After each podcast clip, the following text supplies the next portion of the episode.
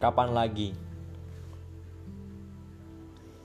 Kapan lagi kau bisa duduk manis di bawah pohon cemara, mendengarkan beberapa ekor puisi berkicau di ranting-rantingnya, membiarkan bulan mungil jatuh dan memantul-mantul di atas kepalamu, meredakan gemuruh tubuhmu. Hidup yang longgar ini kadang terasa sumpek juga.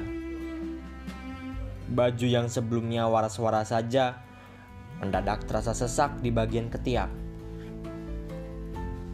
Celana yang sampai kemarin nyaman-nyaman saja tiba-tiba terasa melintir di bagian paha. Tadi malam kau pulang dari salon dengan gembira. Sekarang kau malu dengan potongan rambutmu.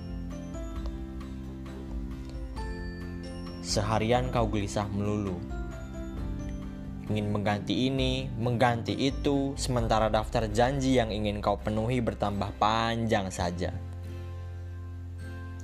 Janji mencabuti rumput di makam nenek, janji membelikan ayah selembar sarung sutra, janji minta maaf kepada pohon mangga yang sering kau curi buahnya.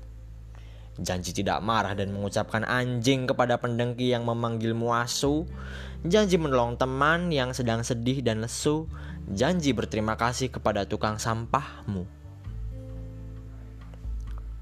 Duduklah dengan tenang di atas batu yang kelak akan menjadi batu nisanmu. Duduklah sambil membaca Pramudia. Hidup sungguh sangat sederhana. Yang hebat-hebat hanya tafsirannya. Joko Pinurbo 2016